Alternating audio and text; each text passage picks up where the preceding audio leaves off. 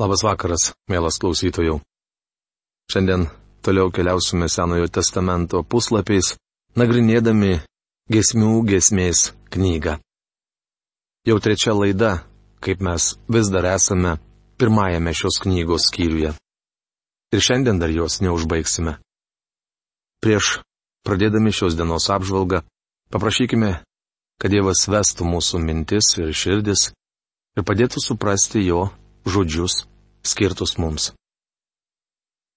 Dangaus Dieve Tėve mes dėkojame tau, kad turime prieimą prie tavo malonės ir gailestingumo sosto per tavo sūnų Jėzų Kristų. Ačiū tau, viešpatė Jėzau, kad tu tobulai atlikai amžinojo atpirkimo darbą ir šiandien esi savo dangiškojo tėvo akivaizdoje. Ačiū tau, dangaus Dieve, kad tu žiūri į mus tik tai per Kristų Jėzų ir matai mus teisius jame bet tavo sunaus viešpate mūsų teisumas, mūsų išmintis ir tavęs supratimas yra tik tai skarmalai. Ir dėkojame tau, kad tu įskaitai mums savo sunaus teisumą. Dėkojame tau, dangaus Dieve, kad mes galime šiandien kreiptis į tave tavo žodžio dvasia.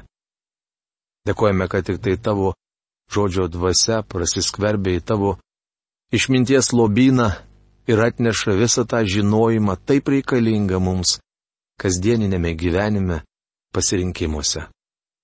Ačiū tau šią dieną. Už darbą, gyvenimą, pragyvenimą, išbandymus ir už tai, kad tu laiminimus viešpate, kad mes galime su tavim šį jau gana vėlų vakarą ateiti ir nurimti nuo tų dienos darbų, palikti ir atidėti viską į šalį ir išgirsti tave prabilk viešpate į mūsų širdis tų, kurie šiandieną mokinamės pasitikėti tavimi. Ir viešpate, nuimk šydą nuo akių tiems žmonėms, kurie dar nesupranta tavo žodžio, jo svarbos, jo prieimimo svarbos. Ir palaimink šį vakarą. Jėzaus vardu. Amen. Taigi, gesmių gesmės pirmas skyrius devinta eilutė. Tema, nuo kurio šiandien pradedame, yra nuotakos grožis. Toliau ganytojas žeria palyginimus. Tu mano meilė panašiai į kumelaitę tarp faraono kovos vežimų. Gesmių gesmės knygos pirmos skyriaus devinta eilutė. Kaip minėjau, jaunikis į savo nuotaką kreipiasi meilę. Tuo tarpu nuotaka jaunikį vadina mylimuoju. Taip galima atskirti, kas kalba tu mano meilė panašiai į kumelaitę tarp faraono kovos vežimų. Kai Mozė ir Izraelio vaikai išėję iš Egipto pasiekė Raudonąją jūrą, jie išvydo sparčiai artėjančius faraono kovos vežimus. Arkliai traukė tūkstančius vežimų, virš kurių plėvė savo vėliavos. Reginys buvo iš tiesų įspūdingas. Jaunikis sakosi esas sužavėtas kaimo mergaitės grožio. Ji nepanaši į kilmingas ponės, nes niekada nesilankė grožio salone. Iš tikrųjų, mergaitė neturėjo laiko pasirūpinti savimi. Tačiau ji labai graži iš prigimties. Toliau skaitome ganytojo pastebėjimus. Žavus tavo skruostai puošti pintomis grandinėlėmis, o tavo kaklas karoliais. Iš aukso nukalsim tau grandinėlės, išpuošime jas sidabru.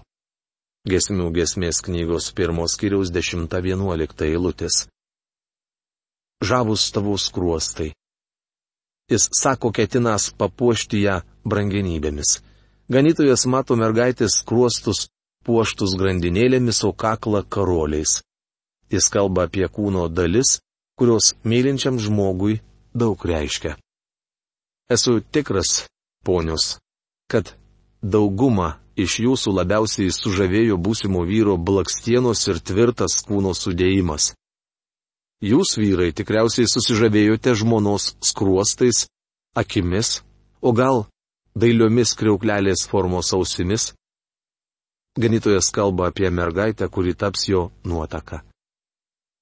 Dvasinė prasme nuotaka yra bažnyčia, o jaunikis viešpats Jėzus Kristus. Ar Kristus gėrisi bažnyčia? Bičiuli visi mes jo akise esame nusidėjėliai. mergaitė iš Šulamų buvo graži iš prigimties, nors ir nepuoselėjo savo grožio. Tačiau mes su jumis net tuo pasigirti negalime. Mes neturime nieko, kas patrauktų Kristaus akį. Mes nieko net nešame jam. Jis mums viską suteikia. Ta pati galima būtų pasakyti ir apie Izraelį. Išvaduodamas Izraelio vaikus iš Egipto vergovės, viešpats nesakė, išlaisvinsiu jūs, nes esate ypatinga tauta, daug pranašesnė už egiptiečius. Iš tikrųjų, Izraelis buvo maža ir nežymi tautelė, bet to jie nebuvo ištikimi viešpačiui. Izraelitai apleido Dievą nuklydo nuo tikėjimo juo ir pasinėrė į stabmeldystę. Atsukę Dievui nugarą, jie darė savo juodus darbus. Tuomet, kuo jie patraukė Dievo dėmesį?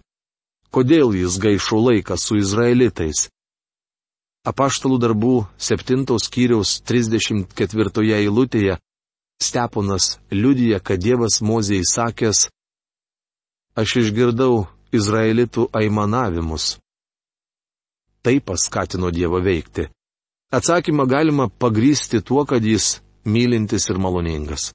Dievas matė, kad Izraelis pražuvęs, todėl ir išvadavo juos. Be to jis sakė, jog prisiminė sandūrą, kurią buvo sudaręs su Abraomu, Izaoku ir Jokūbu. Dievas laikosi žodžio. Jei jis kažką pažada, ištesės. Mums tai yra bažnyčiai Viešpats parūpino išgelbėjimą todėl, kad matė, jog esame pražuvę ir nepataisomai sugedę. Dievas sako, kad mums te reikia patikėti Kristumi ir Jis mus išgelbės. Bažnyčiai, mėlyjeji. Tai labai svarbu, nes daugelis iš mūsų šiandien sakom, o aš pavieniui garbinu savo Dievą taip, kaip išmanau, aš nemėgstu aplinkos. Bažnyčia yra Kristaus kūnas. Ten, kur susitinka du arba trys Dievo vardu, ten yra bažnyčia. Tai yra gyvų akmenų susirinkimas. Tai gyvų žmonių sueiga. Taip verčiamas graikiškas žodis eklezija. Todėl be galo svarbu, nes viešpats Jėzus apdovanoja per savo dvasę bažnyčios narius įvairiomis dvasinėmis dovanomis, kad mes su jumis patarnautume jam. Mūsų dangiškasis jaunikis tikintiesiems žada iš aukso nukalti grandinėlės, išpuošti jas sidabru. Panaši mintis pasakyta ir skaitytoje laiško Efeziečiams penktos kiriaus ištraukoje. Kristus mylėjo bažnyčią ir atidavė už ją save. Jis padarė tai dėl to, kad ją nuplautų valančių žodžio vandeniu ir pašventintų. Beje, Dievo žodis iš tiesų stebuklingai apvalo. Kristus atidavė save, kad padarytų garbingą bažnyčią, neturinčią jokios dėmesio, nei raukšlės, nei nieko tokio, bet šventą, tai reiškia atskirta jam ir nesutepta. Kas atsitiko su bažnyčia? Jis atpirko mus, užmokėjo už mus kainą. Jis panaikino mūsų nuodėmės ir suteikė mums savo įteisumą. Mes aprengti Kristaus teisumu ir esame tobuli jame, priimtini Dievui, mylimajame. Puota prie apskrito stalo. Kol karalius ilsisi savo kambarį, mano nardas pripildo orą kvepėjimu. Gesmių gesmės knygos pirmos kiriaus dvyliktą eilutę. Kartais ši eilutė verčiama, kol karalius sukarata, Kitaip tariant, jis išvykęs su reikalais. Profesoriaus Algirdo Jurieno Biblijos vertime skaitome. Kol karalius buvo draugėje prie stalo. Manau, geriausia eilutės pradžia būtų versti taip. Kol karalius potauja. Visiškai pažodžiu jis skambėtų taip. Kol karalius sėdi prie savo apskrito stalo. Tai ir yra minėtasis ratas. Karalius ir jo svečiai buvo įsitaisę prie apskrito stalo. Šios eilutės pažodinį vertimą akcentuoju dėl to, kad čia slypi gilesnė dvasinė prasme. Jaunikis atveda visus sukviestus svečius prie apskrito vaišių stalo. Istorija mena tuos, kurie priėmė kvietimą į jaunikio puotą. Kai viešpats Jėzus užgimė į pasaulį, piemenys nusileidę nuo kalnų viršūnės, atėjo į tvartą jo aplankyti. Vėliau iš rytų atkeliavo išminčių būrys. Jie atnešė Jėzui aukso, miros ir smilkalų. Džonas Miltonas rašo. Štai iš rytų, iš tolimo šalies, išminčiai eina Jėzui nusilenkti, o bėk, aplenk juos, skubėk, tu savo dovanas pirmiau atnešti ir viešpatį giesme pasveikint. Davidas taip pat turėjo menyje apskritą stalą rašydamas, tu padengiai man stalą, mano priešų matomoje vietoje, patepi dosniai mano galvą aliejumi, sklidina mano taurė, rašoma 23 psalmės 5 eilutėje. Prieš daugelį metų išgirdau kvietimą ir ačiū Dievui jį priėmiau. Taigi jau ilgą laiką sėdžiu prie viešpatės Jėzaus stalo. O jūs, ar sėdite prie to apskrito stalo? Jau gavote kvietimą. Jėzus sako jums, štai aš stoviu prie durų ir beldžiuosi. Jei kas išgirs mano balsą ir atvers duris, aš pas jį užeisiu ir vakarieniausiu su juo, o jis su manimi, prašoma prieiškimo knygos trečios skyriaus dvidešimtoje eilutėje. Tad kodėl jums netėjus ir neatsisėdus prie apskrito stalo? Gali būti, kad seras Lencelotas turėjo garbės sėdėti prie apskrito stalo su pačiu karaliumi Arturu.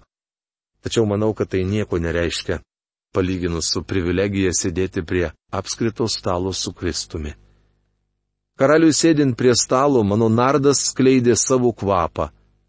Nardas - tai neapsakomai saldus Kristaus gyvenimo aromatas.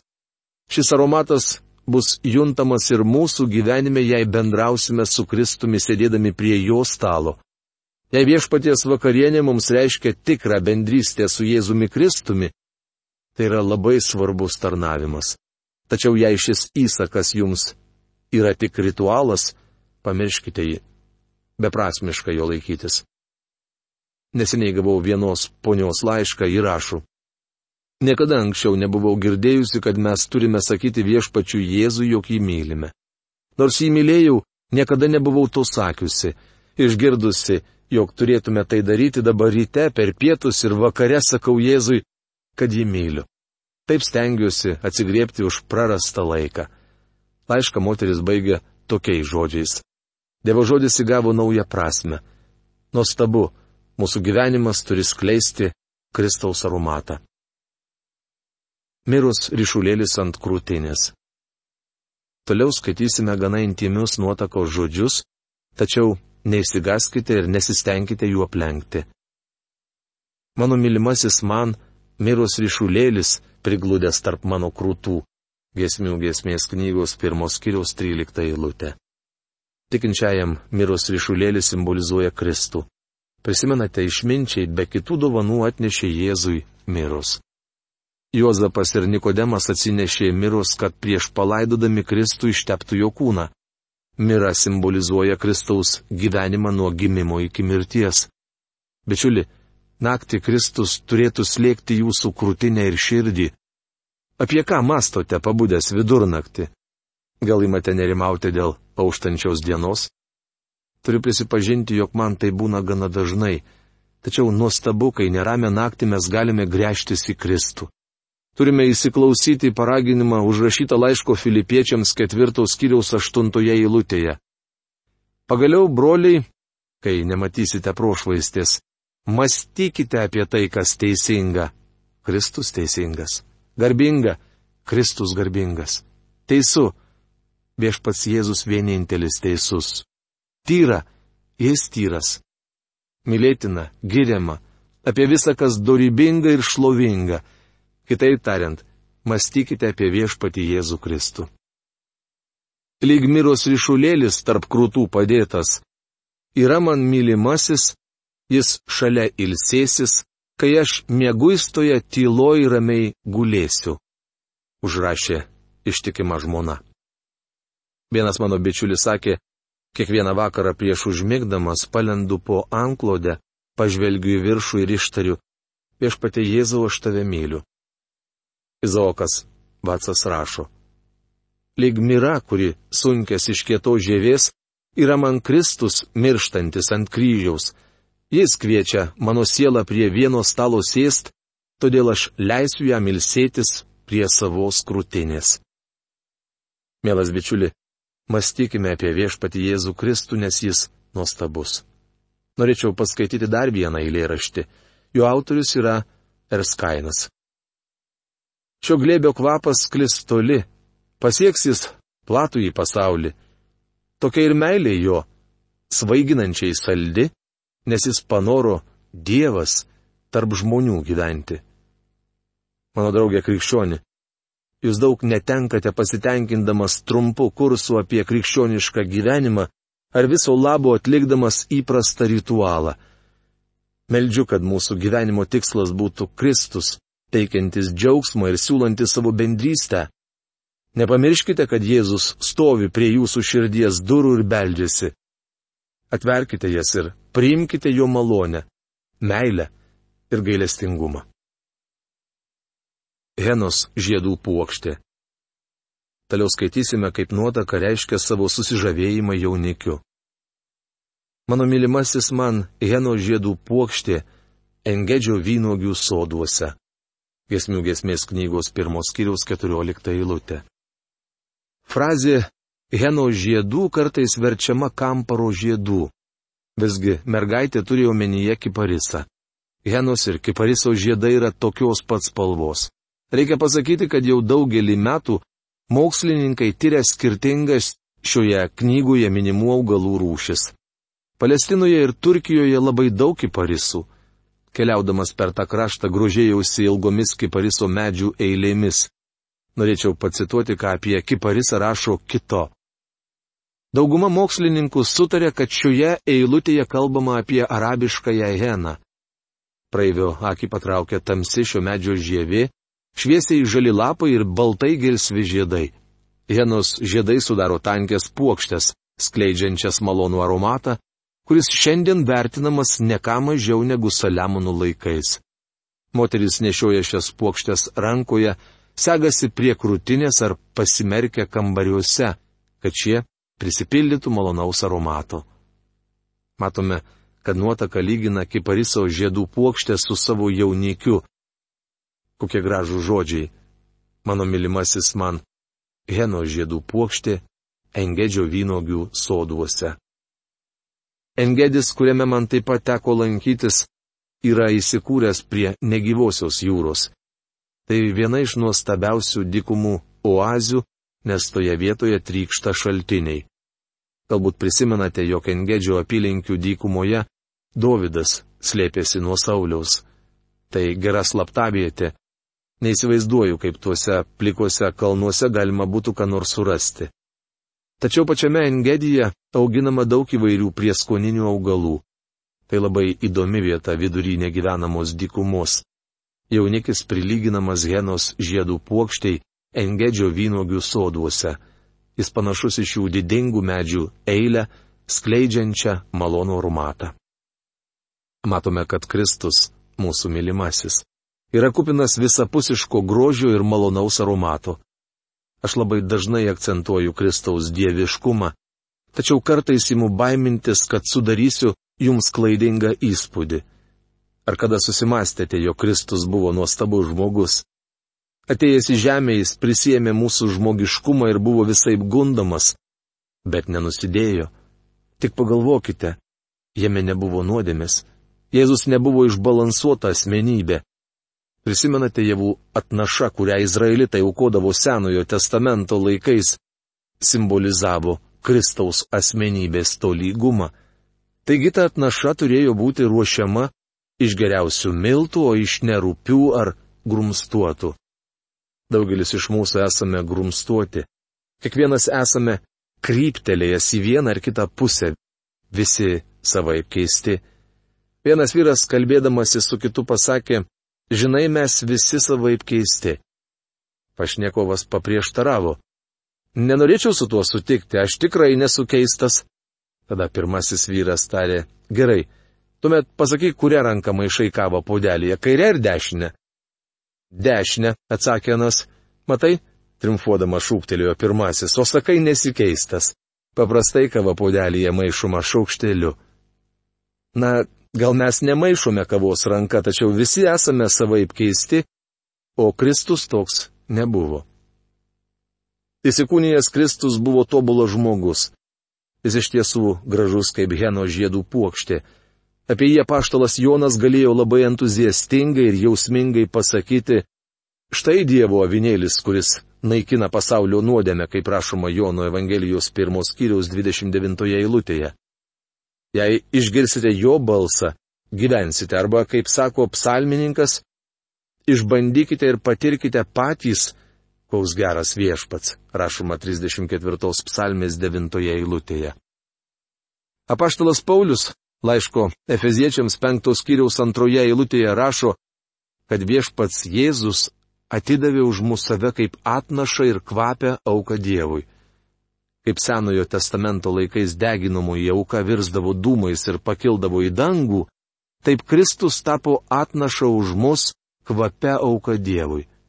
Tai, ką Kristus atliko dėl mūsų, Dievą visiškai patenkina. Prisimenate, Dievas tėvas sakė, šitas yra mano mylimasis sunus, kuriuo aš geriuosi rašoma Mato Evangelijos trečios skyriaus 17 eilutėje. Jis niekada to nesakė apie Verną namagį. Tikriausiai nesakė to ir apie jūs.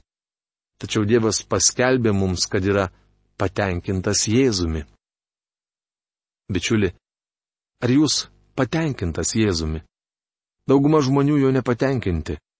Antrai pargi bėgiotų nuo vieno žemės pakraščio į kitą, bandydami pasitenkinti ko nors kitu. Žmonės nori išgirsti tą ir aną, nuolat vaikosi naujienų ir naujovių. Mes galime taip įnikti į Biblijos studijų specifiką ir metodiką, kad pamesime iš akių Jėzų Kristų. O jis nuostabus. Gesmių gesmėje sakoma, kad mano mylimasis man Henos žiedų puokštė Engedžio vynogių soduose. Norėčiau atkreipti jūsų dėmesį į įdomią Heno žiedų puokštės simboliką. Šventajame rašte akcentuojamas viešpatės Jėzaus Kristaus išskirtinumas. Jis viengimis tėvų sunus, vienintelis gerasis ganytojas, vienintelis tikrasis vynmedis, viena pasaulio šviesa, Vienas tėvo tarnas, vienintelė auka už nuodėmės, vienintelis kelias, vienintelė tiesa ir vienintelis gyvenimas.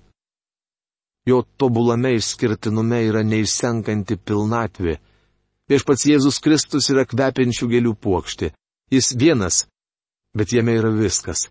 Dievo avinėlyje harmoningai dera nesuskaičiuojama daugybė nuostabių ypatybių. Jame dera Abromo tikėjimas, Jokūbo įtakingumas, Mozės rumumas, Elijo uolumas, Jobo šventumas ir Jono meilė. Visos šios savybės yra tobulos Kristuje. Jis kupinas tiesos, teisumo, išminties, meilės, gailėšio, draugystės, didybės, galios, suverenumo, nuolankumo, kantrybės, tikėjimo, uolumo, drąsos, šventumo ir visų kitų puikių savybių. Jei aš ir nepaminėjau kokios ypatybės, tai turi būti įtraukta į šį sąrašą, nes Kristui būdingi visi teigiami charakterio bruožai. Kristus yra viskas visur, o jis pats yra mūsų. Tai ir yra nuostabiausia.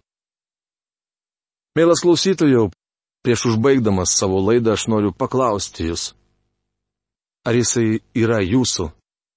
Ar jisai apsigyveno jūsų širdyje per savo šventąją dvasę? Aš noriu paklausti, ar jūs galėtumėte šiandieną drąsiai pasakyti, kad jūs esate jame? Mėlyji, jeigu jūs esate jame, šventasis raštas mums sako, kad jis yra tėve.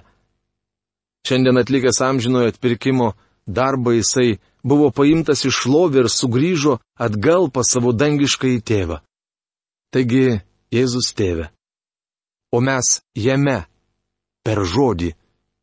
Ir jis mumise, per savo žodžio dvasę, kurią užanspaudavo ir kurią apgyvendino mumise. Gal tai kai kam yra labai painu. Bet jeigu jūs esate nuoširdus savo širdyje ir galite pripažinti Dievui, kad esate kaltas prieš jį, paprašyti atleidimo, ir pasikviesite jį į savo gyvenimą kaip viešpati ir karalių, šventasis raštas rašo, kad jūs būsite išgelbėtas amžinybei. To linkėdamas noriu užbaigti šios dienos laidą. Iki greito pasimatymo.